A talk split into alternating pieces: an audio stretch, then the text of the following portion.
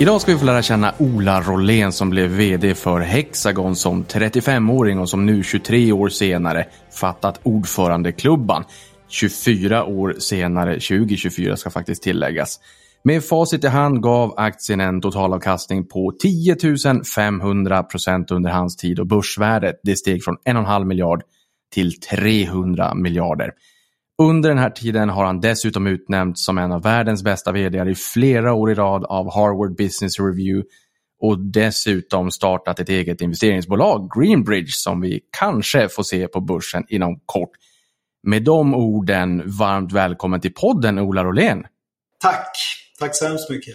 Jättekul att ha dig här och jag tänker vi ska börja från början. Vem är Ola? Ja du, vem är jag? Jag är född i Enskede söder om Stockholm. Och eh, ja, bodde där fram till jag var klar med studierna. Och då skulle man ju jobba inom bank och finans. Det var så kallade yuppie-eran. Och jag gjorde precis tvärtom. För jag, jag var på en intervju med en känd bank ingen nämnd, ingen glömd. Och de frågade Ola, varför kommer du tjäna miljoner åt oss? Och då tänkte jag, det kommer jag nog inte göra. Så där och då bestämde jag mig för att jag skulle söka mig till industrin.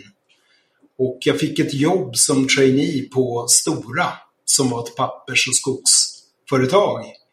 Och flyttade till Krylbo av alla ställen. Hur var, hur var det i Krylbo då? Men Krylbo var nog ganska bra, fast eh, jag var inte där så mycket utan jag hade min flickvän, nuvarande fru i Stockholm, så jag försökte köra hem så fort jag bara kunde. Och eh, det är ungefär 17 mil mellan Krylbo och Stockholm, så att jag blev en jäkel på att köra den vägen. Körde aldrig för fort.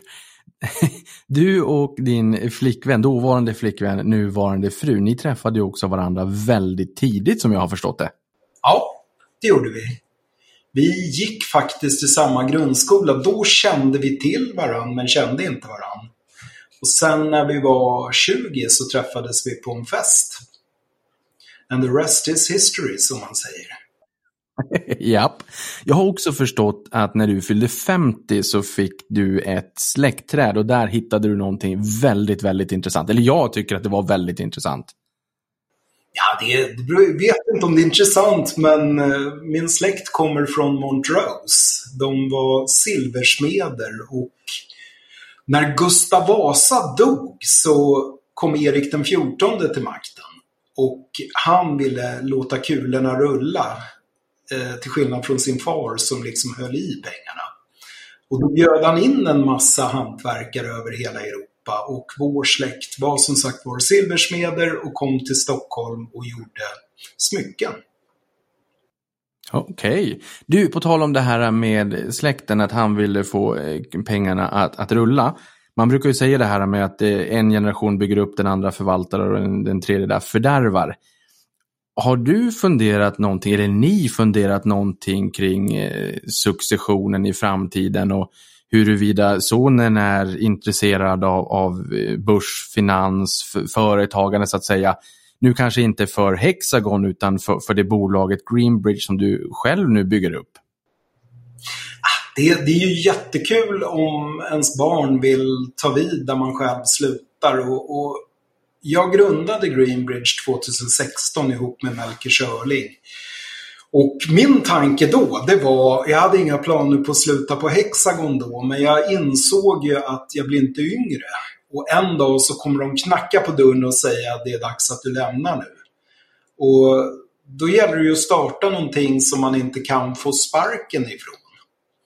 Och det, var, det var då Greenbridge. Och, och ja, vi får väl se hur det går med det. Och, och, min dotter jobbar faktiskt ihop med mig just nu så att det vore ju jättekul om... Jag har tre barn och det, det vore väl jättekul om de blev intresserade av, av affärer och, och ville fortsätta. Så tre barn och, och dottern som sagt uppenbarligen redan intresserad? Mm. Kul! Nej men det är superkul faktiskt. Och, och det där det, det förstår man när man blir äldre, att det är faktiskt rätt kul att, att ens barn blir intresserad av det man har hållit på med. Hur, hur, är en sån relation då? Jag tänker mig pappa-dotter i, i, i, privat så att säga, men att man också jobbar tillsammans i, i det professionella. Nej, men jag tror man, man måste göra bodelning i de två liven. Hon kallar mig vid förnamn. Hon säger inte pappa utan hon säger Ola på jobbet och pappa hemma. Och ja, man, man får helt enkelt ha två olika vad ska man säga, två olika rum där man, där man har olika roller. Men det funkar bra. Det som händer när, när man blir äldre, alltså jag har tänkt på det ju längre livet går, det är faktiskt att du har många fler roller när du är yngre. När du blir äldre så, så växer de här rollerna ihop och du har liksom inget behov av att vara en person på jobbet och en annan person hemma utan det är tillräckligt krångligt att hålla reda på vem man är så att eh, det, är liksom, det är lättast att bara ha samma roll hela tiden. Men det låter ju också ganska skönt. Kan det ha att göra med att man också blir lite tryggare i sig själv ju längre tiden går? Absolut, så är det. Hur har din karriär sett ut fram till idag? Från, från tidernas begynnelse och fram till, till nu? Men om vi fortsätter efter Krylbo så fick jag jobb som eh, controller på ett företag som heter Kantal som numera är en del av vad heter det här nu då? Sandvik Steel som gick på börsen. Alemia eller Aleima? Aleima, just det. Aleima. Och eh, ganska snart så blev jag VD där. Och eh, jag var alldeles för ung. Och Eh, gjorde en herrans massa misstag i karriären men eh, till slut blev det ganska bra ändå. Och eh, det var mitt första börs jobb eh, Vi var börsnoterade och jag blev VD 1996. Så vad var jag då? Då, då var jag 31 år. Och sen blev vi avköpta från börsen 97-98 av Sandvik. Sen fortsatte jag faktiskt inom stål, så ett kort mellanspel på någonting som då hette Avesta Sheffield. Och sen blev jag VD för det som idag är Aleima. Just det, okej. Okay. Eh, det var en ganska kort session på sex månader och sen blev jag VD på Hexagon. Just det, så hade du nu varit kvar allt annat lika, du hade förmodligen inte haft samma roll möjligtvis. Men om, om ponerat så hade varit fallet, då hade du varit vd för börsnoterade Aleima idag. Precis. Som Fredrik Lundberg tankar hejvilt i. yes. Nej, men det, är, det är ett väldigt fint bolag. Om man tittar på stålföretag i Sverige så är det väl ett av de, de bästa. Hmm. Hur skulle du säga att en, en typisk dag ser ut i ditt liv nu idag då? Men nu idag, jag, jag slutade ju som VD i december 2022 och sen hade jag ungefär en och en halv månad där jag tog det lite lugnare och försökte se hur livet skulle bli. Och sen blev jag liksom uppsugen i det här Greenbridge och, och vi gör en herrans massa affärer just nu. Och, ja, det är roligare än någonsin. Det, det, det blir ju väldigt stort efter ett tag med ett bolag som Hexagon med 25 000 anställda och, och ja, mycket, mycket administration. Så det här känns nästan som Hexagon för 20 år sedan när vi, när vi startade med ett vitt papper. Och hur känns det då? Jag tänker med tanke på att du säger mycket administration och det är klart att det ligger ju i sakens natur att det är ett annat djur när man har blivit väldigt, väldigt stora. Nu tillbaka nästan till Hexagon för 20 år sedan. Jag tänker mig att det borde kännas nästan som att det bubblar i dig. Att det finns, både att det är väldigt roligt men också att det finns väldigt mycket möjligheter och väldigt mycket fokus på affär och investeringar snarare än det här administrativa. Absolut. Nej men det här är jättekul. Eh, jag har sällan haft det så kul som jag har just nu. Det är, dels så har vi förmånen att få jobba internationellt, så vi jobbar över hela världen. Samtidigt så är vi så pass små att det, det är ingen byråkrati, det är väldigt lätt att fatta beslut. Och, nej, men det är superkul. Ja, men för jag tänker det, du sa där att du, du tog en månad, en och en halv och försökte ta det lite lugnt. Är, är du kompatibel med att ta det lugnt? Nej. Nej, det gick inte. Det, jag försökte, men, men det här är för kul. ja, det är det jag tänker. Men du, hur hittade du intresset till investeringar från första början då? Investeringar och, och, och, och företagande? Ja, det var inte lätt. Eh, min pappa är småföretagare så eh, jag hade ju en inblick i företagande från honom. Min mamma kommer ju från en helt annan Eh, linje. Hon var ju politiker och aktiv i socialdemokratin. Så att det var intressant att höra på de två diskutera för de hade väl inte alltid samma politiska åsikter. En småföretagare och en socialdemokrat. Men nej, sen så ville jag bli musiker. Jag var dålig i skolan. Eller jag var inte dålig, jag var lat. Och, och det var först när jag var runt 20-årsåldern så tänkte jag jag måste ha en utbildning. Annars kommer jag hamna på en Finlandsfärja och spela i något dansband. Och eh, det ville jag inte så att då började jag först läsa juridik och sen ekonomi. Men någonstans där så började jag tycka det här med affärer var riktigt kul. Just det. Och i förra avsnittet av Montrose-podden fick vi lyssna till Anders Sundström, också då socialdemokrat, eh, välkänd från, från förr, där man fick lära känna han lite grann och att han kallades för Röde Baronen för att han låg nära näringslivet och räddade Swedbank och räddade Boliden med Carl Benett och också Northland, eller gruvan uppe i Kaunisvaara då med, med, med Kaunis Iron. Så att han hade mycket kopplingar till näringslivet som jag inte vet om alla riktigt var bekant med. Och menar, din mamma Berit här då, som du sa, hon var ju politiskt engagerad och arbetade i statsrådsberedningen och blev sedermera Olof Palmes första pressekreterare. Och du fick ju som sjuåring följa med till Harpsund och träffa statsministern och dåvarande finansminister Gunnar Sträng. Jäklar vad påläst du är! Jajamensan! Måste göra sin hemläxa. Och pappa, Jarl-Erik, han var ju entreprenör och drev en färgbutik med 15 anställda i Flen. Och här, precis som du var in på nu nyss, så har du sagt då att det, det kunde bli väldigt intressanta diskussioner vid middagsbordet. Som jag har förstått det så hade mamma också tolkningsföreträde och pappa kom bakvägen i efterhand och sa det finns andra sätt att se på det hela. Alltså, de här diskussionerna vid middagsbordet, de måste ju ha varit otroligt intressanta ändå. Ja, det, nej, men det var ju en spännande tid när jag växte upp för att eh, näringslivet var ju lite ifrågasatt och, och när jag var riktigt ung då, då var ju man skulle vara vänster. Det var, det var först någon gång i mitten på 80-talet som yuppien föddes och det började bli eh, ja, lite mer fashionable och, och, och vara konservativ och, och överhuvudtaget prata pengar. Så att, eh, nej, det var en väldigt intressant tid. Men vad har, vad har dina föräldrar sagt under den här tiden? menar, under din framfart genom åren? De måste ju vara godis stolta, tänker jag. Nej, men de tycker det är kul. Och, och nej, det, det, har varit, det, det, har varit kul att diskutera med dem. Och de har ju mycket erfarenheter som man ibland kan dra lärdom av och, och sådär. Så att eh, du vet ju hur det är med föräldrar. Japp. Har du haft någon förebild då skulle du säga? Nej, jag tror, jag tror man har många förebilder i olika sammanhang. Du, du, du möter ju så mycket duktiga människor och det gäller... Ingen är ju bra på allt och alla är bra på något. Och, och du kan ju lära dig från alla, tycker jag. Och, och att ha ett öppet sinnelag och, och lära sig, det är nog viktigt. Mm.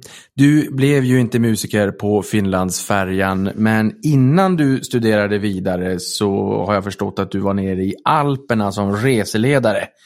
Och till och med arbetat för maffian. Vad var det som hände här innan, innan studierna tog vid? Mm. Nej, men då på den tiden så var det populärt att åka buss från Mellansverige ner till Alperna. En jättelång resa, men, men det var ju billigt och i princip alla åkte, åkte skidor oavsett eh, inkomst höll jag på att säga. För att det var så pass billigt för, för svenskar att åka ner i Alperna. Så att det bildades ju en massa ganska oseriösa resebyråer. Så den, den jag jobbade för hette, nu ska vi se, Sun Skiers Club hette de. Och eh, de ordnade bussresor ner till Alperna och jag blev stationerad i en skidort i Frankrike. Och bara, ja, bara några veckor in på säsongen så gick de omkull. Och det här var ju superpinsamt för jag hade ju bokat hotellrum och, och vi hade ju haft ett antal veckor med gäster och, och jag kunde ju inte betala de här rummen. Men eh, gudskelov så insåg alla på orten att det var inte jag personligen utan det var ju den här resebyrån som, som hade bokat. Så de, de jagade resebyrån i Sverige men eh, jag blev helt enkelt arbetslös. Men nu hade jag ju tagit mig ner till Alperna så att jag fick jobb på en bar att faktiskt spela gitarr mellan, jag tror det var klockan nio och midnatt eller något sånt där. Men bättre än färjan? Ja, det var bättre än färjan. och eh, då, vad heter det, fick jag husrum och mat i gengäld. Men den här baren var ett litet hål i väggen. Och eh, på dagarna så åkte jag skidor med någonting som kallas för gendarmer. Det är en blandning av militär, ja, militärpolis kan man väl säga, som finns i Frankrike. Och de började fråga mig, har du någon aning om eh, vem du jobbar för? Och jag sa, ja, jag jobbar för en kille som heter Richard. Ja, vi vet, men har du funderat på hur han kan ha en Rolex-klocka och en Porsche? Och då, då sa jag, ja, men vi serverar jättemycket öl. Så att det är klart han blir rik som ett troll. Ja, men riktigt så rik blir man inte på att servera öl. Och då visar det sig att drogtrafiken i Frankrike, de, de kommer in drogerna i Marseille och sen så gäller det att tvätta de här pengarna. Och tidigt så började franska maffian köpa upp restauranger och barer i Alperna för att helt enkelt tvätta sina intäkter från drogtrafiken. Och en sån bar jobbade jag på. Vilken story. Du, som, som du var in på här för en, en liten stund sedan så fick du ditt första chefsjobb när du var 28 och hade då personalansvar över 2000 personer. Det här har du beskrivit som vansinne för du, du var inte mogen för, för uppgiften. Nej, så är det. Man, man är inte det som 28-åring. Utan man måste ju bli en... Måste ju utvecklas som människa, helt enkelt. Men, men hur reagerade personalen där då? För jag menar, det, då, då var det både unga och medelålders och, och, och, och, äldre så att säga, tänker jag, i den här eh, skaran av 2000 människor. Hur reagerade de då? Det var, det var både positivt och, och, negativt, men jag tror jag berättar den här storyn. Det, jag hade ju fått för mig att jag skulle vara en modern chef, så vi skulle ju ha informationsträffar.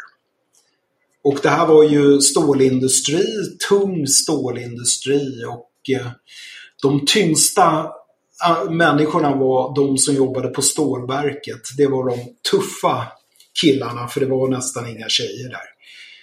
Och vi samlades i något sånt här stort, eh, eh, någon stor sal, informationssal och på första raden så satt det två jättestora metallare. Och jag höll min presentation och sen så tänkte jag att nu ska jag väl fråga om det finns några frågor. Så jag sa, finns det några frågor? Och då räckte en av de här killarna upp armen och så sa han, ja, vem är du? och det var det var ju en totalsågning liksom att här kommer man som ny chef och, och de blir ifrågasatt direkt. Så att man lär sig ju väldigt mycket på det. Ja, och, och, man lär sig ju jättemycket genom livet och du fick ju väldigt tidigt ett stort ansvar. Så hur, hur skulle du säga att du har utvecklats som ledare genom åren och hur skulle du beskriva din ledarstil kanske fram till idag och, och, och eh, skillnaden nu jämfört med då? Nej, Men jag, jag, tror att jag har väl gjort ungefär samma resa som vi alla gör. Att när man är ung och osäker så är det viktigt att vara duktig. I sina kollegors och andras ögon. Man, man vill visa att man kan någonting.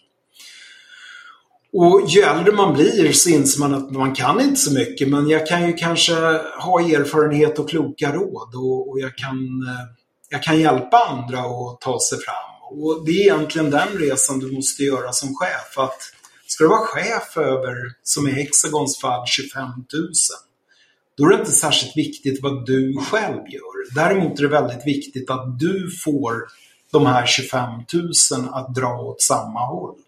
Så att arbeta genom människor snarare än att själv göra en massa saker, det, det är väl den största lärdomen som chef. Att utgå organisationen liksom. Hur gör man då för att få alla att dra åt samma håll? Hur, hur får man liksom ihop en kultur där det är full fart framåt och, och, och, fokus på affären? Jag tror precis det ordet du sa, jag tror kultur är jätteviktigt. Vi, vi pratade om din erfarenhet av kulturer och det här ni gör på Montrose, att ni är, ni är ett gäng som har samma värderingar och, och vill åt samma håll. Kulturen är dödsviktig i alla organisationer och du märker när kulturen förändras eller det kommer in någon som inte är kulturbärare och, och vill ändra på den. Så den är ju jätteviktig. Och sen tror jag, när du har en bra kultur så är det viktigt att ha tydliga och klara mål. Vart ska vi? Vad är viktigt? Hur ska vi prioritera? Uh, ja, så, så kulturen, egentligen, det är svårt efter ett tag att säga vad är kultur och vad är mål. För de, de växer ihop och, och ja, det Just det. Du hann ju bara vara vd för Sandvik Steels i tre månader innan du lockades över till vd-posten på Hexagon. Vad var det som lockade med Hexagon då? Det, det som lockade med Hexagon var eh, dels så ville min dotter flyttar tillbaks till Stockholm. Men sen så, det, det som var lockande med Hexagon var att det var, det var tomt skal. Så Melker sa till mig att ja, du har ett kassaflöde att starta med. Det genererar i alla fall pengar. Ja.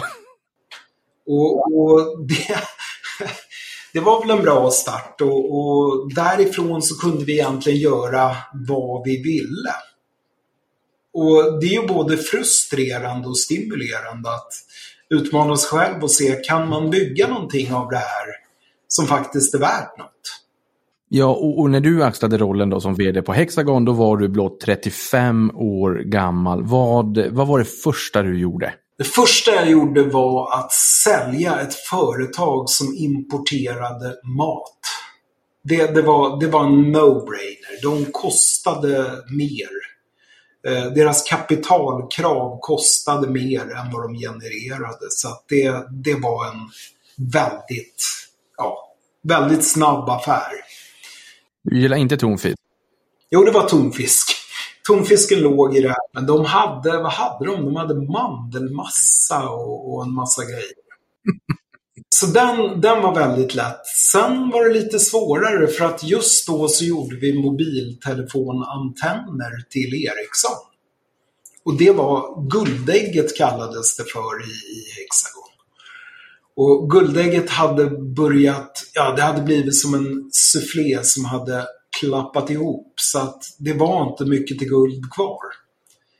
Och parallellt med det här så kom hela diskussionen om inbyggda mot eh, ja, såna här stolpantenner som sticker ut på mobilen. Det, det, känns ju som hur länge sedan som helst nu. Men eh, jag kommer ihåg dem. Vi, vi såg att Nokia byggde in sina antenner och tänkte det här är ju framtiden. Men Nokia ville inte köpa av oss och Ericsson hade en chef som sa att det kommer alltid vara en stubbe på mobilantennerna. Allt annat är otänkbart. Och då tänkte jag det här kommer gå åt helsike. Så att eh, det sålde vi därefter och, och sen gjorde vi ett antal utförsäljningar parallellt med att vi letade efter en kärnaffär för Hexagon. För de som inte känner till Hexagon då, kan du kort beskriva dagens Hexagon, lite grann vad bolaget gör för någonting?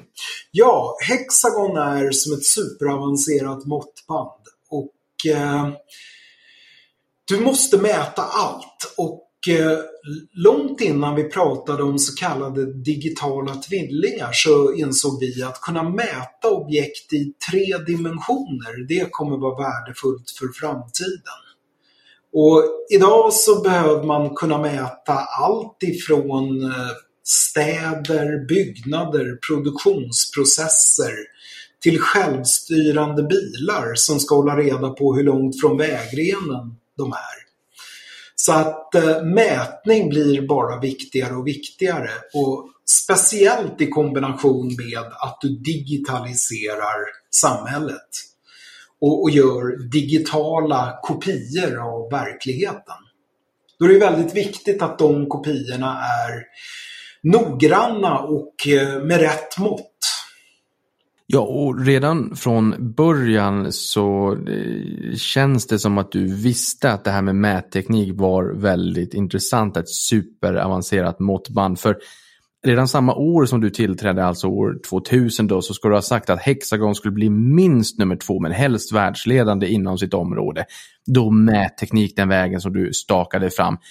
Kunde du från början känna eller ana att det skulle bli så pass bra som vad det faktiskt blev i slutändan? Så är det ju. man har ju ingen aning utan eh, man är osäker men man inser också vi är börsnoterade så du kan ju inte låta osäker. Hur skulle det gå om man gick ut och sa att ja, det kanske går åt helvete eller så går det bra. Vi får se. Utan det är ju lite spelets regler men, men tar man steg för steg och bygger någonting från grunden så då har man ju åtminstone koll på processen.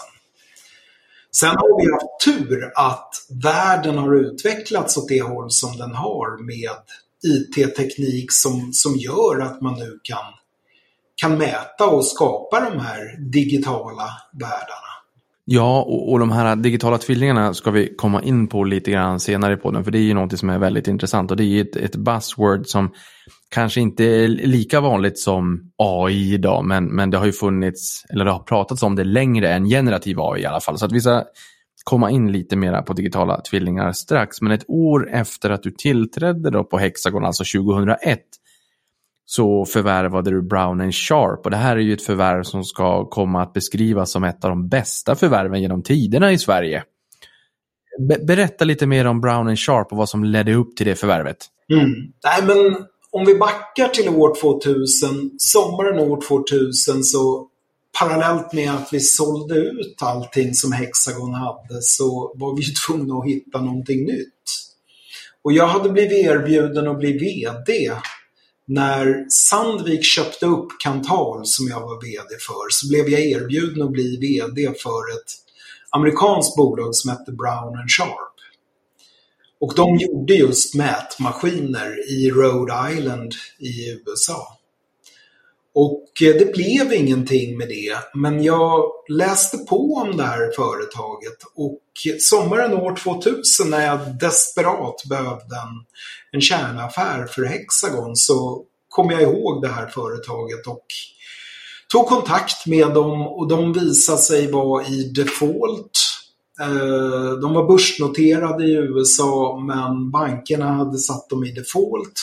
Och eh, jag såg en livskraftig kärna i, i företaget som, man, som vi la ett bud på. Och eh, året därpå så fick vi tillträde till det här företaget och det blev grunden för det nya Hexagon. Okej, okay, så där kan man ju säga att det var ju bättre att förvärva Brown Sharp än att bli vd för bolaget i och med att de sedermera gick i teknisk default då. Ja, så kan man säga. och om vi spolar fram ända fram till 2016 så eh, greps du på Arlanda misstänkt för insiderhandel i Next Biometrics och när det hela offentliggjordes så föll aktien 10% i Hexagon då och utraderade 10 miljarder kronor i börsvärde. Men det slutar ju med att du friades och inte bara en gång utan två gånger jag kommer ihåg själv hur jag reagerade på det här. Eh, och det är ju ingenting jämfört med, jag tänker mig hur, hur, du upplevde det här i och med att det är dig det handlar om. Hur, hur, hur var den här perioden? Det måste ha varit väldigt tufft. Det är, en, alltså det är ju den tuffaste perioden i, i mitt liv utan jämförelse. Att bli anklagad för någonting som är fel rent juridiskt. Du lägger ner, mina jurister eller mina advokater i Norge skrev en 200-sidig rapport till den här åklagaren innan hon tog ut åtal mot mig för att visa hur fel ute hon var. Och i grunden handlar det bara om att du kan aldrig bli insider på dina egna tankar. Om det är dina tankar som skapar en affär, då, då är det inte insiderinformation för dig. Utan insiderinformation är något du får från någon som är hemligt. Som är kurspåverkande. Och, och det var så fundamentalt fel, hela åtalet. Och, och det paradoxala i Skandinavien är ju att Eh, även staten kan överklaga om staten förlorar. Så att det var norska staten som åtalade mig. Norska staten kom fram till att jag var oskyldig. Och då kan alltså norska staten säga, men vi vill ha en chans till. Och det gjorde ju att det här tog, ja det tog väl tre år att klara ut. Och fruktansvärt slöseri med tid och pengar och ja, till ingen nytta. Ja, vi är ju inte mer än, än människor, någon av oss. Jag tänker mig att de här tre åren var, var ju förmodligen inte alls roliga på ett personligt plan och gå runt och oroa sig för det här. Och och, och Krim där sa ju också att de hade ett track record av att i princip aldrig förlora. Så att nu, nu försämrade du och förstörde deras stats lite grann. Men, men när man kommer ur en sån här grej, då har man ju två val. Man kan viga sitt liv åt att försöka skipa rättvisa i, det man har varit med om. Och det blir ju väldigt destruktivt och mörkt och, och negativt. Eller så säger man att de här åren kan jag aldrig få tillbaka utan nu, nu går vi framåt och, och gör något positivt. Och, och, jag har ju valt det sista. Jag, jag tycker att det finns massor av saker att säga om eh, ÖK-krim och, och annat. Men det kanske inte är mitt jobb att, att ändra på det, utan det kanske är Norge som måste ta tag i, i sin polismyndighet. Hur kändes det den dagen när du fick beskedet om att du för andra gången eh, fick domen om att du, eller att de dömde då att du var oskyldig? det, är, det är en sån lättnad så att det, det går inte att beskriva men eh, innerst inne, jag, jag trodde väl hela tiden att rätten skulle segra till slut men du vet ju aldrig. Det är trots allt nämndemän och har de en dålig dag eller vad det än må vara så kan det ju bli fel. Men nu blev det rätt och det blev ju inte bara rätt utan det blev väldigt rätt. Jag vann med väldigt stor marginal i bägge rättegångarna och det, det visar ju att rättsväsendet fungerar. Trots att de kom in så fel och vi hade en åklagare som förmodligen drevs av personlig vinning att göra karriär, så, så blev det ju rätt till slut.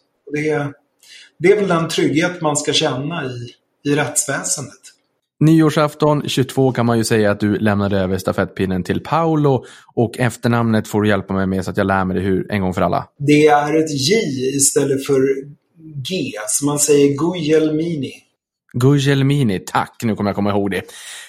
Han tog över stafettpinnen efter dina 23 år på vd-posten och idag axlar du istället ordföranderollen i Hexagon. Och med facit i hand då så har ju Hexagon-aktien bjudit på en totalavkastning på 10 500 procent under eh, din eh, period här vid rodret och det motsvarar ju en, en kagger då på 22,5 procent. Vilket är mäkta imponerande får man ju säga och börsvärdet har ju stigit från 1,5 miljard till 300 miljarder under samma period. Går det att sätta fingret på vad som har varit framgångsreceptet? Nej, men jag, jag, tror att vi tidigt, vi var inne på kultur. Jag tror vi skapade en jäkla bra kultur. Vi attraherade människor som ville göra förändring, som ville framåt och, och som jobbade stenhårt. Så att eh, under de här åren, jag vet inte hur många entreprenörer vi har, vars bolag vi har köpt och entreprenörerna har stannat kvar i Hexagon och jobbat som tjänstemän. Och det, det, är ett otroligt bra betyg för den kultur som vi byggde i, i företaget. Vi försökte vara såsfria, byråkratifria, platt organisation, snabba beslut. Och, och det blev helt enkelt väldigt bra. Och det här med kultur, som jag har förstått det också, så har ju du bara haft två finanschefer och två sekreterare under alla de här åren.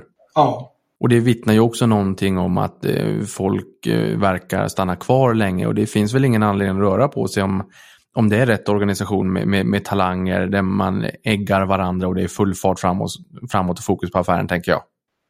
Nej, jag, jag tror att vi, vi hade en unik situation där vi var ett litet företag organisatoriskt men ett stort företag när det gällde resurser. Det är ju det bästa av två världar. Du, du har möjlighet att finansiellt göra stordåd men du har väldigt lite byråkrati och snabba beslutsvägar. Det är otroligt kul. Hur skulle du då beskriva rollen som ordförande idag i förhållande till eh, vd-rollen tidigare? Min ordföranderoll till att börja med är ju att eh, ta ett kliv bakåt. Jag, jag är inte VD. Jag måste låta organisationen leva utan mig.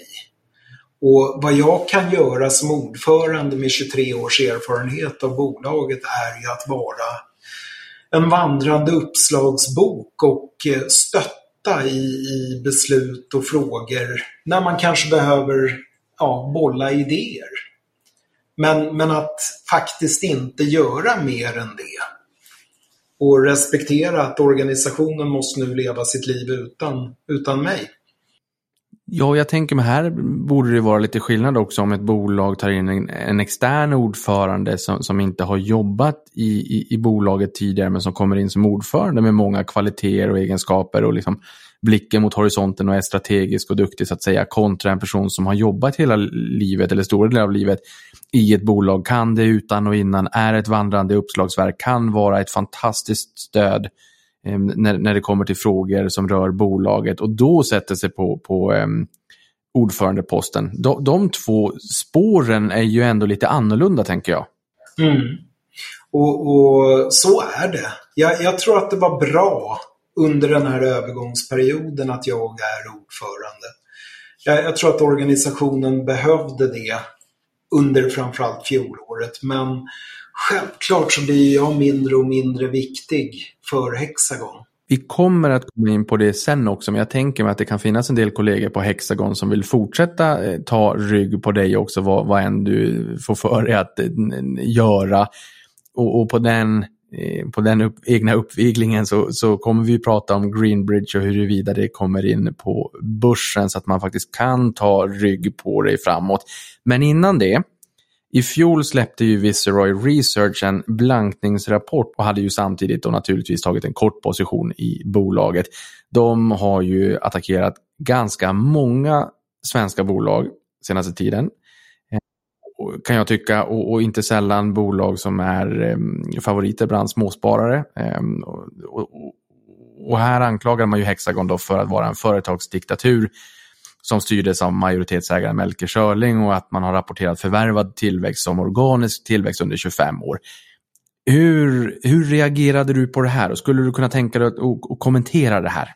Ja, absolut. Nej, men jag, jag tycker hela företeelsen är tveksam att hedgefonder som ligger bakom de här Viceroy eh, använder dem som skyltfönster för att sprida sina åsikter.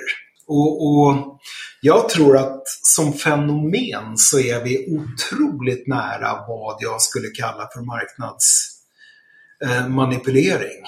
Eh, eh, att först shorta en aktie, gå ut med en rapport som man egentligen inte har kvalitetssäkrat utan innehåller enormt mycket fel men skapar uppståndelse. Så här när dammet lägger sig så är det ju egentligen småspararna som förlorar. De stora institutionerna satt stilla, ringde Hexagon och frågade, fick svar på detaljer vi kom ut med en rapport som de kunde ta till sig och läsa och se att ta det här med organisk tillväxt, det är ju, det är ju larv, det som sades. Och, och vad heter det? Men, men det skapar ju ett press på kursen och de som sålde visade sig ju sen vara småspararna som fick panik. Medan våra större institutionella ägare satt kvar. Och nu är kursen ungefär tillbaka där den var och man frågar sig den här manipuleringen av kursen som skedde, var, var finns ansvaret för den? Media lyfter ju upp det här och ger dem ju en arena, en scen för, för den här rapporten. Och det kanske man inte skulle göra med, med, med och för vem som helst, men de vet ju att det här skapar uppståndelse, därför lyfter man det och då är ju liksom hela, hela karusellen igång också. Mm. Jo, och så är det ju med börsen. Att den bygger ju på rykten. Och, och, så det är ju inte... Man kan egentligen inte skylla på media eller på någon, men som fenomen så tror jag att man måste reglera och kanske är det så enkelt att man får inte ta en kort position innan man publicerar rapporten. För det finns ju grundprincipen om att man ska, man ska publicera information för alla aktörer samtidigt. Och eh, det skulle kunna vara en väldigt enkel regel att man, man kvalitetssäkrar den här informationen eller åtminstone släpper den så att alla hinner agera samtidigt och sen får man följa upp informationen och se var den sann eller inte. Och då måste det finnas påföljder om den inte är sann. Ja, verkligen intressant eh, utvigling utvikling kring fenomenet och dina tankar där. Och det vet jag också med SBB som är en historia i sig. Men, men där var det ju också hårda ord från Viceroy, men där man också hade syndikerat ett flertal aktörer som hade gått in och tagit korta positioner, men så, så små korta positioner att man inte behövde rapportera till Finansinspektionen. Men tillsammans så var det en massiv dunderkort blankning, eh, vilket både eh, bolaget påtalade, men, men även Dagens Industri exempelvis. Då. Det där blir ju fulspel. Ja, nej men alltså, vi har ju någonting som heter market manipulation. Och, och det är ju det är ju faktiskt otillåtet. Och det här är ju gråzonen mellan vad som är market manipulation, vanlig eh, kortning i en aktie. Och, och, här tror jag faktiskt att myndigheterna måste sätta till resurser och, och belysa den här frågan lite mer. Superintressant. Jag har tidigare också poddat med Ekobrottsmyndigheten och lyft det här och sagt att eh, ni får jättegärna titta på det här. Det är inte så att jag kommer någon breaking news åt dem. Men i Avanza-podden eh, det jag menade på att eh, titta jättegärna på det här för småspararna far illa, precis som du nu har lyft Ola. På tal om det, eller från det ena till det andra snarare, du har ju också blivit utnämnd till en av världens bästa vd av Harvard Business Review i flera år i rad. Hur kändes det att bli uppmärksammad på det här sättet och vad tror du ligger till grund för att du blev utnämnd? Nej, vad som ligger till grund är det lättaste att svara på. De mäter eh, avkastning över tid. För så länge man har suttit som VD. Så att det är så de får ihop sin lista. Och, och men det, är väl, det är väl kul. Det är, det är väl roligare att, att bli uppmärksammad än att inte bli uppmärksammad när man, när man jobbar. Eller hur? Verkligen, och rätt lista också. Det finns säkert en, en motsvarande lista i andra ringhörnan som man inte vill vara med på. ja, det gör det nog. I fjol så gick ju Melker Schörling ur tiden efter en tids sjukdom och Dagens Industri skrev om honom som bondpojken som gått från ingenting till 60 miljarder. Och som jag har förstått så var det ju en person som trodde på unga förmågor och som lät dem blomma ut. Vad har Melker betytt för dig? Enormt mycket. Han, eh, han var modig, han gav mig chansen och, och trodde på det vi höll på med. Så att eh, man får inte glömma bort att han hade en ganska tuff start med Hexagon. Eh, Hexagon hade ett börsvärde på drygt 3 miljarder när han gick in och blev huvudägare och två år senare var det nere i hälften. Så han hade förlorat hälften av sin investering när han och jag träffades och började diskutera. Och med det facitet så sex månader senare kom jag och sa vi ska köpa ett konkursbo i USA. Och, och då sa han ja. Så att eh, nej, han, han eh, Självklart så frågade han mycket om det här Brown Sharp vi köpte men Brown Sharp var en affär på 1,7 miljarder och hela Hexagon var värt en och en halv. Så att eh, han var enormt modig när det gällde och, och, vågade ta tuffa beslut.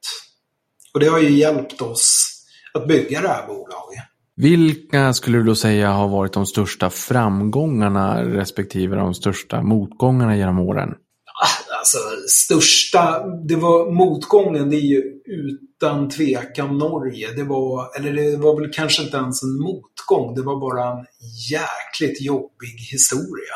Eh, jag önskar inte någon ska behöva uppleva det. Eh, med framgångar och medgångar privat så är det ju, det är ju mer ens privata liv. Att få barn och allt sånt som betyder något i livet. Det är viktiga i livet. Ja, men jobbet är ändå bara ett jobb. Och, och jag tror det är viktigt att komma ihåg det för att du pratar om Harvard Business Review och så vidare, men när jag kommer hem så ska diskmaskinen plockas ur och liksom jag tror det är otroligt viktigt här i livet att ha ett annat liv och inte bli ett med sin yrkesroll.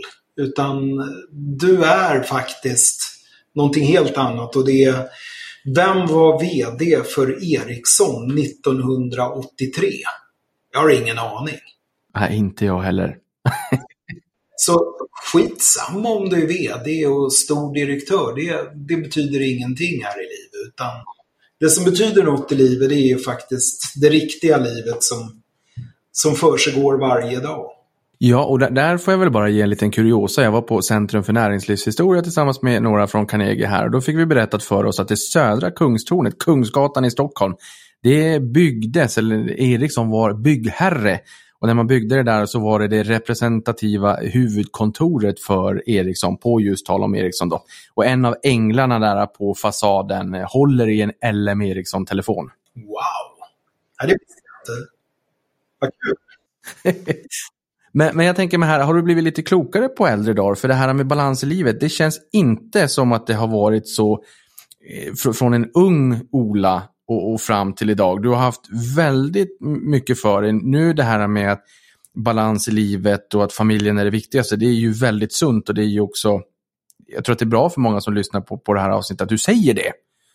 För du har ju helt rätt i det, men, men har, du, har du haft det synsättet under alla år? Nej men alltså, jag, det har alltid varit viktigt och prioriterat för mig, men sen är det så här att spelar det egentligen ingen roll vad du gör i livet. Om du, om du lägger ner mycket tid och ska bli bra på det så det blir inte balans. Jag har ju självklart jobbat alldeles för mycket för att kunna påstå att jag har haft balans i livet. Så att balans är en myt. Den, den finns inte. Men du kan bli väldigt bra på att träna upp ditt balanssinne och kompensera när du kan. Och, och försöka vara ja, vara närvarande de gånger du kan och så vidare. Men vad skulle du då säga, vad är det som, vad är det som driver dig? Vad, vad är det som gör att du har ah, energi när du vaknar på morgonen och känner att nu jädran ska det här bli en bra dag?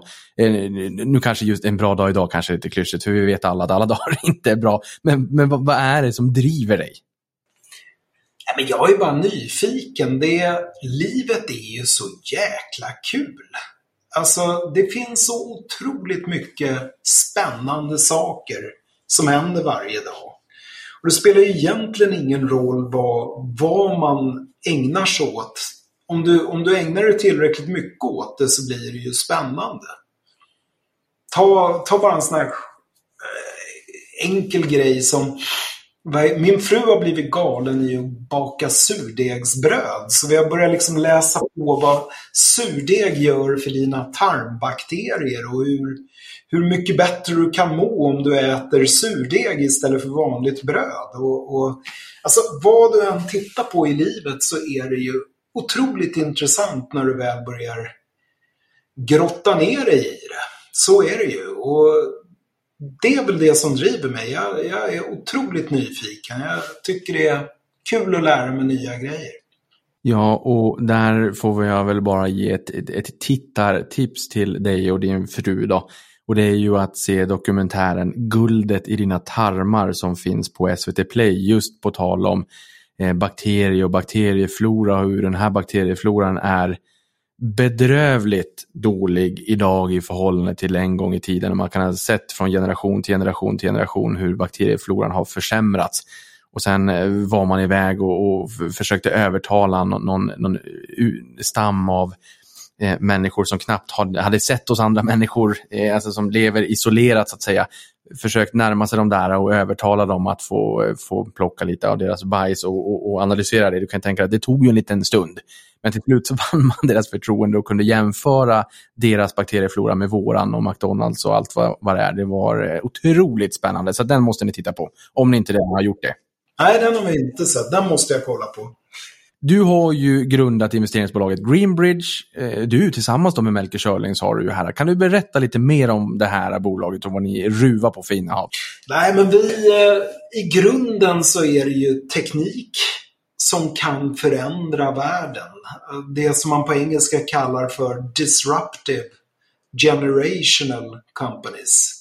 Alltså de, de ska kunna påverka inte bara sin egen bransch utan kanske hela, hela samhället. Och där, där har vi investerat i ett antal teknikbolag som vi tror kommer ha en väldigt intressant framtid. Och det handlar ju nu väldigt mycket om att hjälpa och, och stötta ledningen för de här företagen att växa, hitta kapital, hitta partners och så vidare. Och, och, där kommer ju allt det man har lärt sig under de här 30 åren och alla människor man har lärt känna över världen. Det kommer ju väldigt väl in i, i bilden. Och de här, hur många bolag eller investeringar ruvar ni på? Fyra. Fyra till antalet. Och för att förstå vad du tycker är mest spännande här i framåt med de här riktigt transformativa trenderna, då, vad, vad är det för fyra bolag vi hittar där i? Nej, men vi hittar eh, Neo4j som är ett grafdatabasföretag. Eh, vi hittar NS-Tech som är en mjukvaruplattform för att digitalisera transportnäringen i Sydamerika. Så hittar vi Divergent som ska förändra tillverkningsprocessen i bil och flygindustri. Och sen så finns det en spin-off eh, som heter Singer Vehicle som är en sportbilstillverkare. Och sen håller vi på med en fjärde investering som jag inte kan prata om men som jag tror kan bli väldigt spännande. Jaha, okej. Okay. Är det en namnkunnig investering för oss ute i eten också? Nej, det tror jag inte. Men den kommer bli, den kommer påverka allas liv hoppas jag. Ah, spännande, men är det här någonting vi, med, med all respekt för att jag älskar breaking news, men jag förstår att jag sällan får någon, men, men är det någonting som vi kan få eh, veta lite mer om kanske under 2024 då? Ja, det hoppas jag. Kul. Det här eh, bolaget då, Neo4j, det är ju det som media kanske skriver mest om när det kommer till Greenbridge. Och där äger ni ju 21 procent av det här bolaget. Och, och, där har, har vi ju fått läsa nu i veckan då att man uppges blicka mot en notering på Nasdaq i New York när noteringsfönstret öppnar. Och, och lyssnar man på bedömare så är det ju många som tror att att eh, noteringspipelinen är baktung i år och att vi kan få se eh, mycket aktivitet under andra halvåret. Eh, kan, kan, eh, kan du säga någonting om det? Alltså själva noteringen den får ju med Emil i spetsen kommentera. Det, det ska inte jag göra utan det är deras agenda. Men, men bolaget som sådant är ju otroligt intressant. Framförallt med vad som händer inom AI-utvecklingen där det har visat sig att just databasen och sättet hur du lagrar data kan ha påverkan på det som man kallar för hallucinationer i så kallade large language models eh, OpenAI, ChatGPT-modeller och så vidare. Så att det tror, där tror vi faktiskt att Neo har en otroligt spännande framtid. Att vara databasen eh, för eh, AI. Okej, okay. ja men för det där har vi ju hört och kanske också upplevt då om man har chattat med ChatGPT exempelvis. att den, den, kan skarva och hitta på lite grann. det är det de säger, eller det de kallar då för hallucinera, alltså fylla i information som kanske inte alltid riktigt då stämmer. Men förutom AI, generativ AI, ChatGPT som poster child, så har man ju den senaste tiden också hört en, lite grann om AI-simuleringar och som jag förstår det så var ju Nvidia en enabler av um, Eh, coronavaccinet då när mRNA-bolagen ville visualisera om det nu var molekylernas vaccinet eller, eller, eller viruset. Då. Men när man skulle ta fram det här så gick det ju väldigt fort. Det var många som sa att det här skulle ta två år och det gjorde det ju inte i slutändan. Och där man eh, crowdsourcade ihop, jag tror det var över 200 000 värsting-grafikkort från en, Nvidia då kunde simulera det här så forskarna kunde, eh, kunde ta fram det här i mycket snabbare takt. Och i Davos som jag förstår det i år så har det också varit väldigt mycket snack om AI-simuleringar. Tidigare var det krypto, blockchain, nu AI-simuleringar där man menade på att vi har inte en massa data som man har i en LLM. ChatGPT har läst internet en gång 2021 och sen ska man kunna göra i realtid. Och det finns massor av text så att säga. Men, men, men, men för AI-simuleringar så har vi ju inte riktigt det. Men det vi har, det är ju fysiker och kemister som för hundra år sedan gav oss olika ekvationer. Einsteins relativitetsteorin känner ju, har väl, ja, många av oss har hört den, jag tror inte alla riktigt förstår den, jag gör det definitivt inte. Men att vi kan träna eh, AI-simuleringar på det här då och, och, eh, och det här är kort monolog då så att säga, men, men det, det vi kan träna en sån här simulering på att ta fram eller testa miljontals olika sammansättningar för att ta fram en ny batterikemi. Kanske för att få bort kobolt eller litium eller Eh, hjärntumörer att kunna testa miljoner eller miljarder gånger på vilken molekyl skulle kunna attackera receptorerna i den här tumören och ta koll på den. Och innan man går in i preklinisk och klinisk fas in i människokroppen så kan man testa på miljarder och åter miljarder virtuella människor.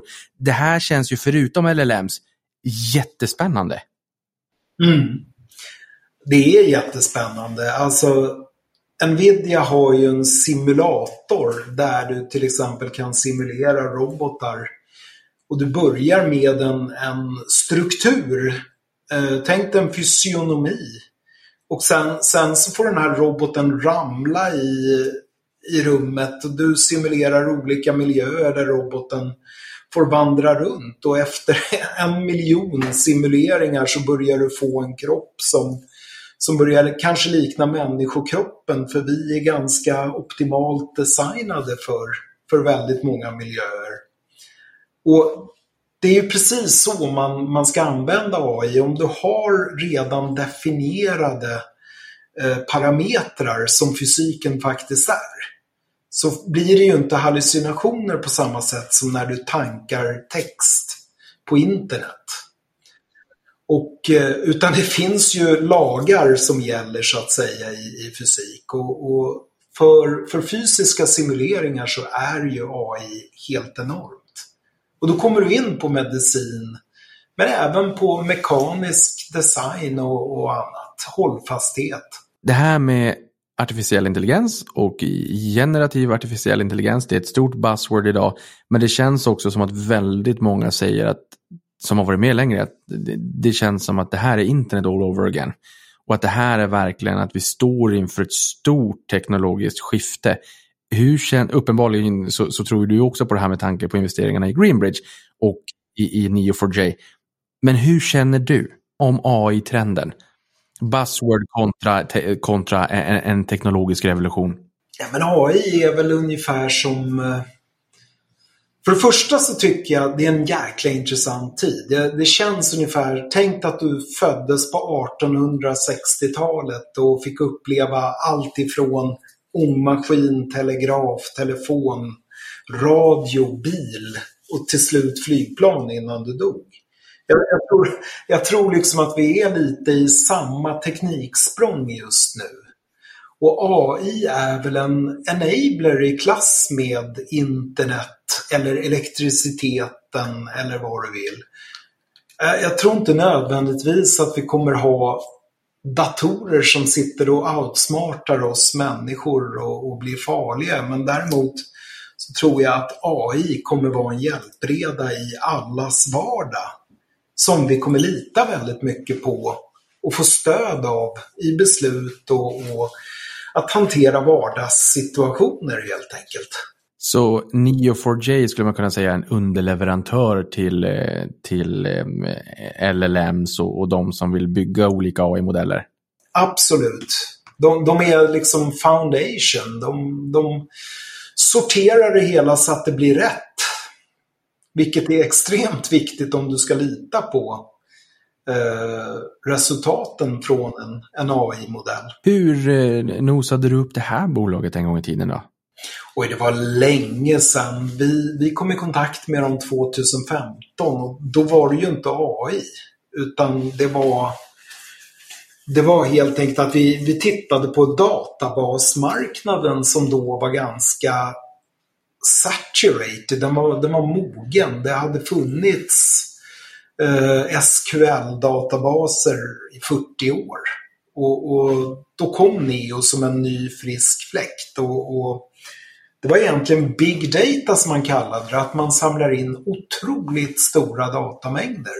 Som gjorde att vi tittade på Neo för att vi tänkte det här med big data skulle väl kunna vara något man hängde på. Eh, och det skulle väl vara något som Greenbridge kunde titta på. Och då stötte vi på Neo4j. Namnen här då, både Neo4j och Greenbridge, vart, vart kommer de ifrån? Neo4j kommer ju från The Matrix. Uh, jag tror att alla deras namn kommer från filmen Matrix. Uh, och det får du fråga Emil Eifrem om varför, varför han uh, döpte, alltså deras språk heter ju Cypher och det är någonting jag kommer inte ihåg Matrix längre, men det är någonting i Matrix som heter Cypher. Hur som helst så, och huvudpersonen heter väl Neo i Matrix, gör han inte det?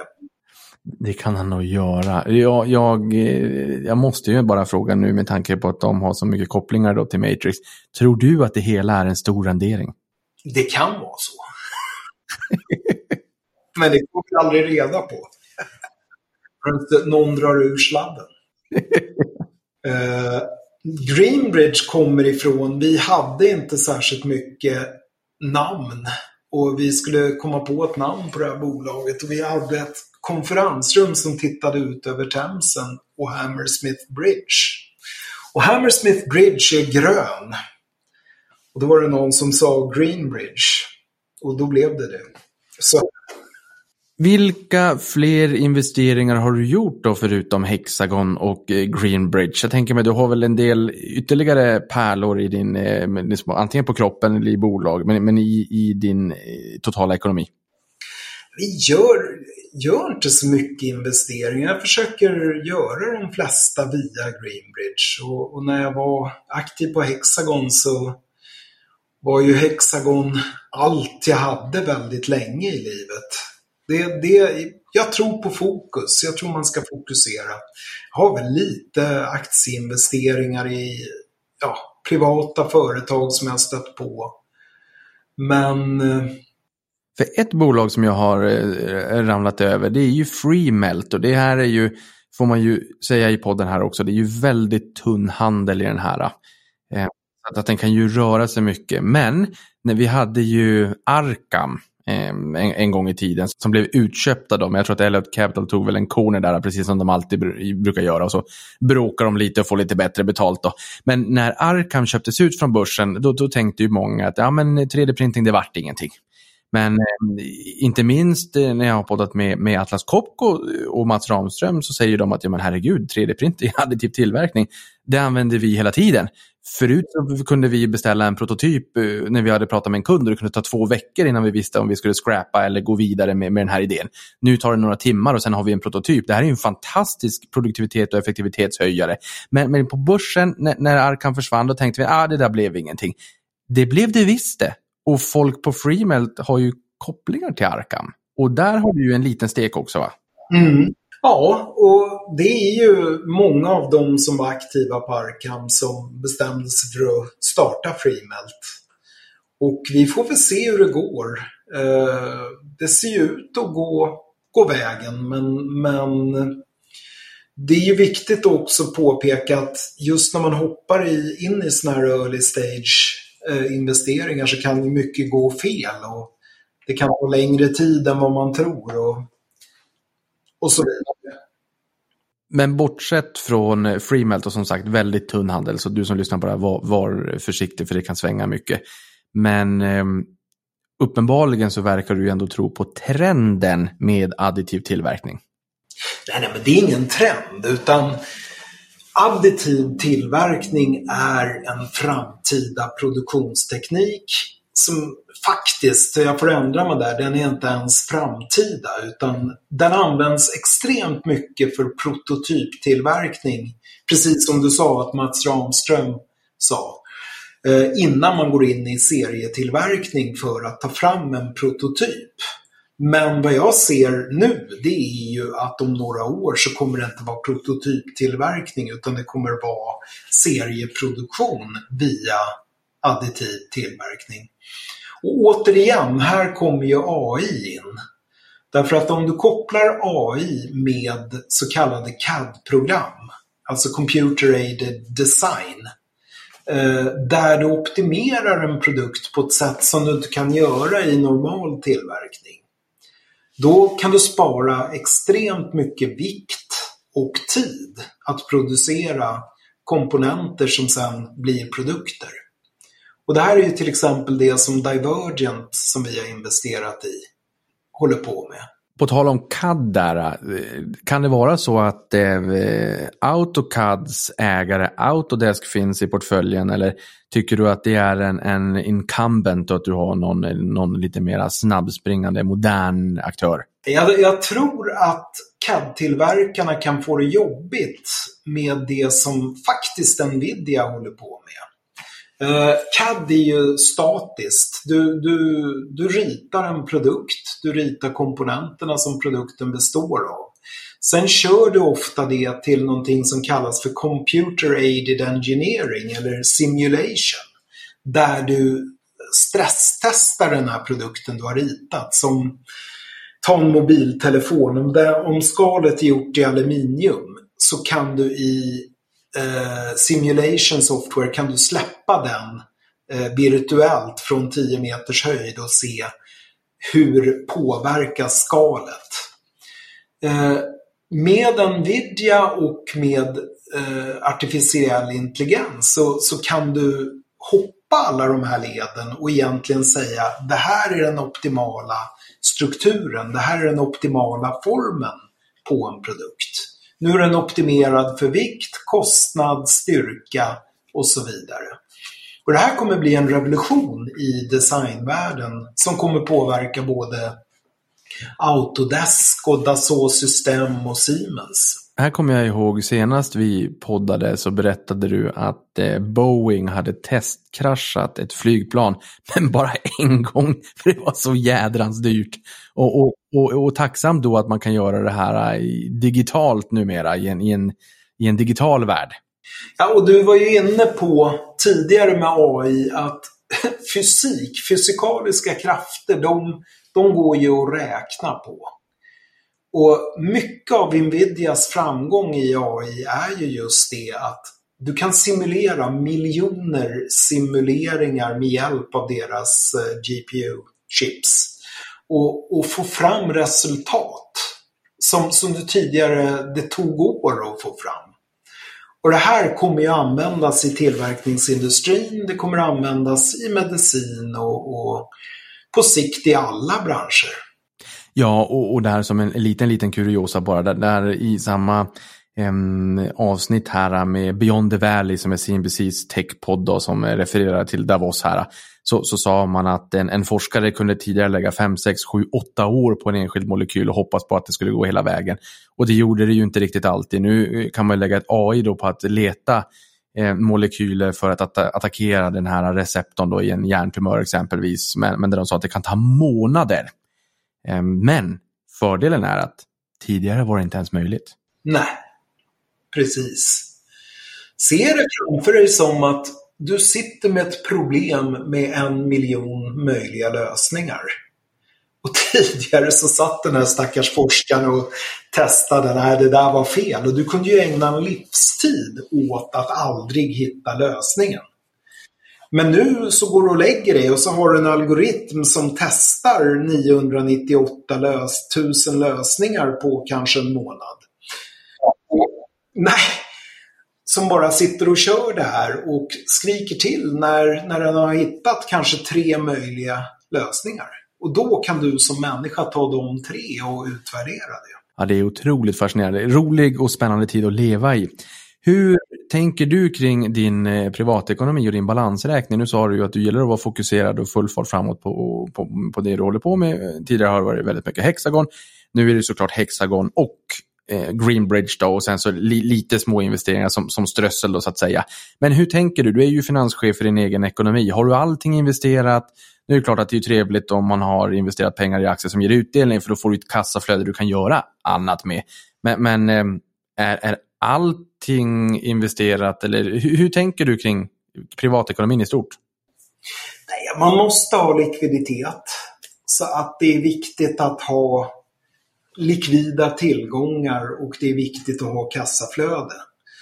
Eh, så att man kan ju inte investera i bara sånt som Greenbridge och, och, och aktier som inte ger utdelningen. Ja, så det har jag gjort. Och eh, sen har jag investerat i Greenbridge, jag har investeringar i Hexagon. Sen döda investeringar blir ju tyvärr fastigheter och annat som man, man måste ha för att kunna leva. Du har ju också köpt en eh, lyxjakt som är till salu för 418 miljoner kronor. Förra gången vi poddade så var det en som frågade mig på Twitter. Du, är det här Olas båt? Jag, jag vet inte, sa jag. Sen kom du in och sa, jo men det är ju det. Eh, och då tänker jag mig, dels eh, svider det inte när man tankar en sån, även fast du har eh, jobbat in i kaklet eh, och, och, och tjänat väldigt mycket pengar, med rätta under alla de här åren. Men, men, men jag har läst att det är driftskostnader på 40 miljoner, även fast du har hur mycket pengar som helst. Svider det ändå inte? Nej, det, 40 miljoner är det inte. Det är nog en överdrift. Men så, så får man ju inte tänka. Pengar livet är ändligt. Och du måste ju någonstans bestämma dig för hur ska du leva ditt liv? Ska du sitta och samla pengar på en hög? Eller ska, är pengarna ett medel för att leva livet? Och det är klart att pengar är ju bara ett medel för att leva livet.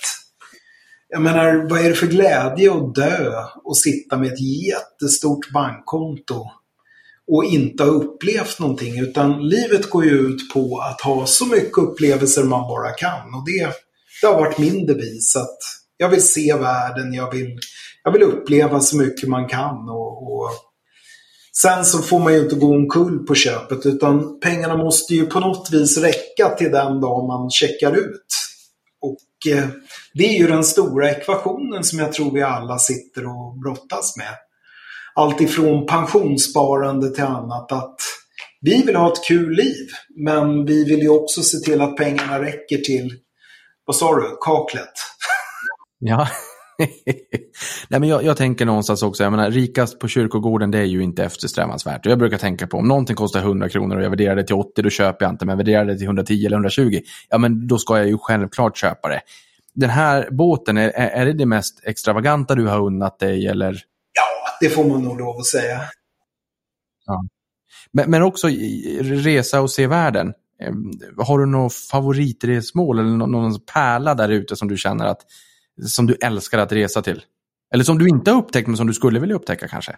Jag tror det finns enormt mycket. Jag har ju haft förmånen att få resa över hela världen. Så jag, jag, det finns väl inte en kontinent jag inte varit på utom möjligen Antarktis. Och det, men så, så någon dröm skulle ju vara att prova att åka skidor på Antarktis. Men det var någon som hade gjort det som sa att det är inte särskilt bra snö. För det, det snöar nämligen väldigt sällan på Antarktis. Så att det är gammal tråkig snö där. Det vore väl en dröm ändå, att prova det. Ja, det, låter, det, det låter väldigt spännande. Igår poddade jag med en svensk kontraktstillverkare och då frågade jag om de arbetar med digitala tvillingar varpå grundaren då sken upp som en sol. Och Hexagon eh, samarbetar ju med Nvidia för transformativa lösningar för just industriella digitala tvillingar. Kan du, vi har ju varit in på det lite tidigare, men, men kan du utveckla det lite grann vad det är för någonting och varför ni, ni tycker att det här är så spännande och har ingått in, ingått det här samarbetet med Nvidia för en tid sedan? Nej, men tänk dig en stor fabrik. Vi, vi säger en massafabrik eller en, ja, någonting. Så det händer ju miljoner saker i den här fabriken varje dag.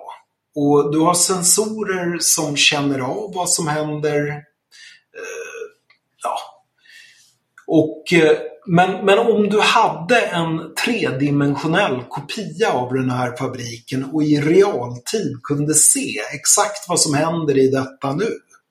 Då skulle du kunna förutspå när saker går sönder så du kunde göra förebyggande underhåll och därmed hålla nere driftskostnaden.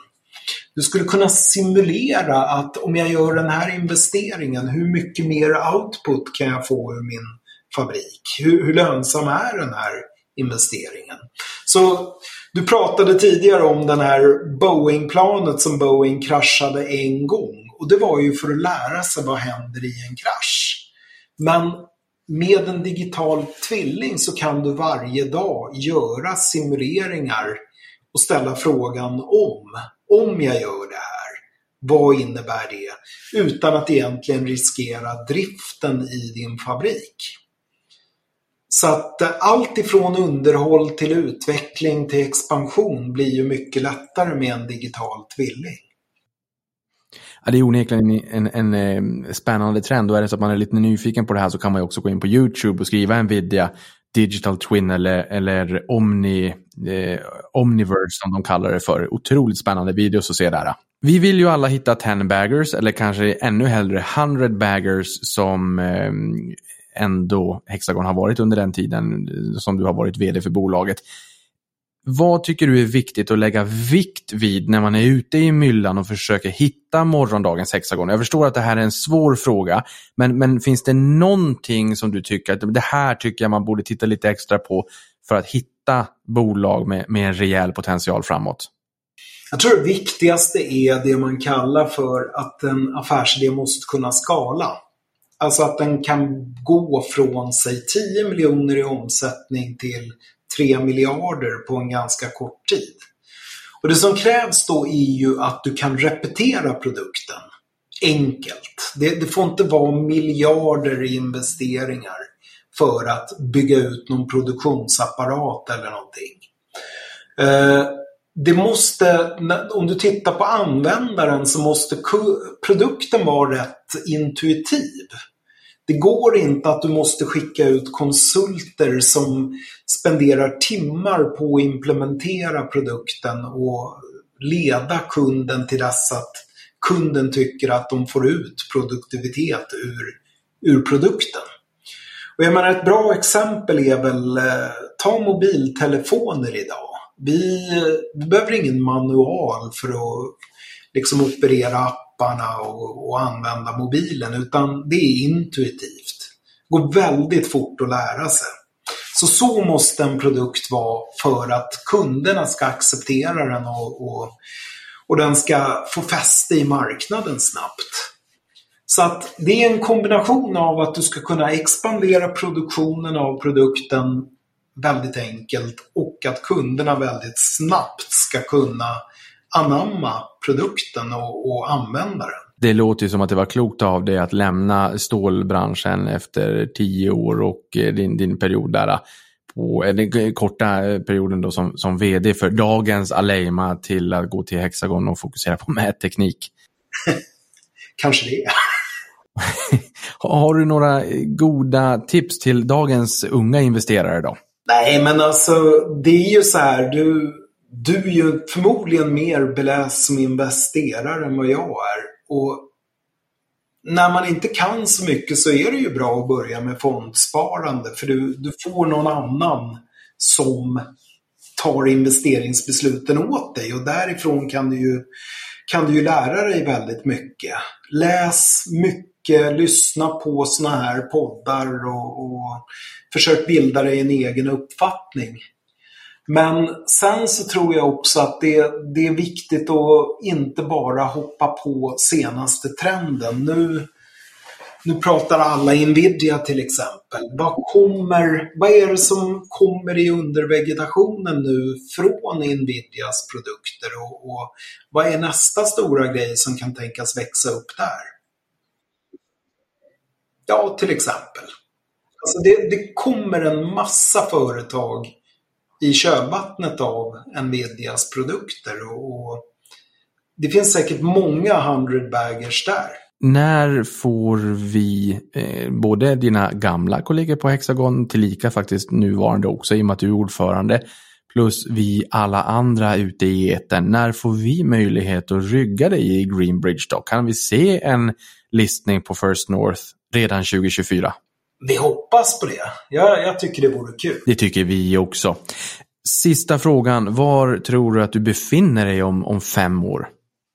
Och inte bara geografiskt, fysiskt, utan mer eh, holistiskt. Vad, vad kan du ha åstadkommit? Kanske då inte, kanske då främst med Greenbridge i och med att det, det är ju där du lägger en stor del av ditt fokus nu då. om, om fem år så då ska det vara betydligt större. Vi ska ha investerat i sex företag som alla kommer förändra världen. Det är målet. Det är målet. Så en, en fem, 50 ökning av antal innehav. De ska förändra världen. Det är målet. Jag förväntade mig inget mindre. Ola, tusen tack för att du var med i den här podden och delade med dig av din klokskap och din resa i Hexagon. Det har varit en fröjd. Detsamma. Tack för att ni tog tid. Och stort tack för att du lyssnar på det här.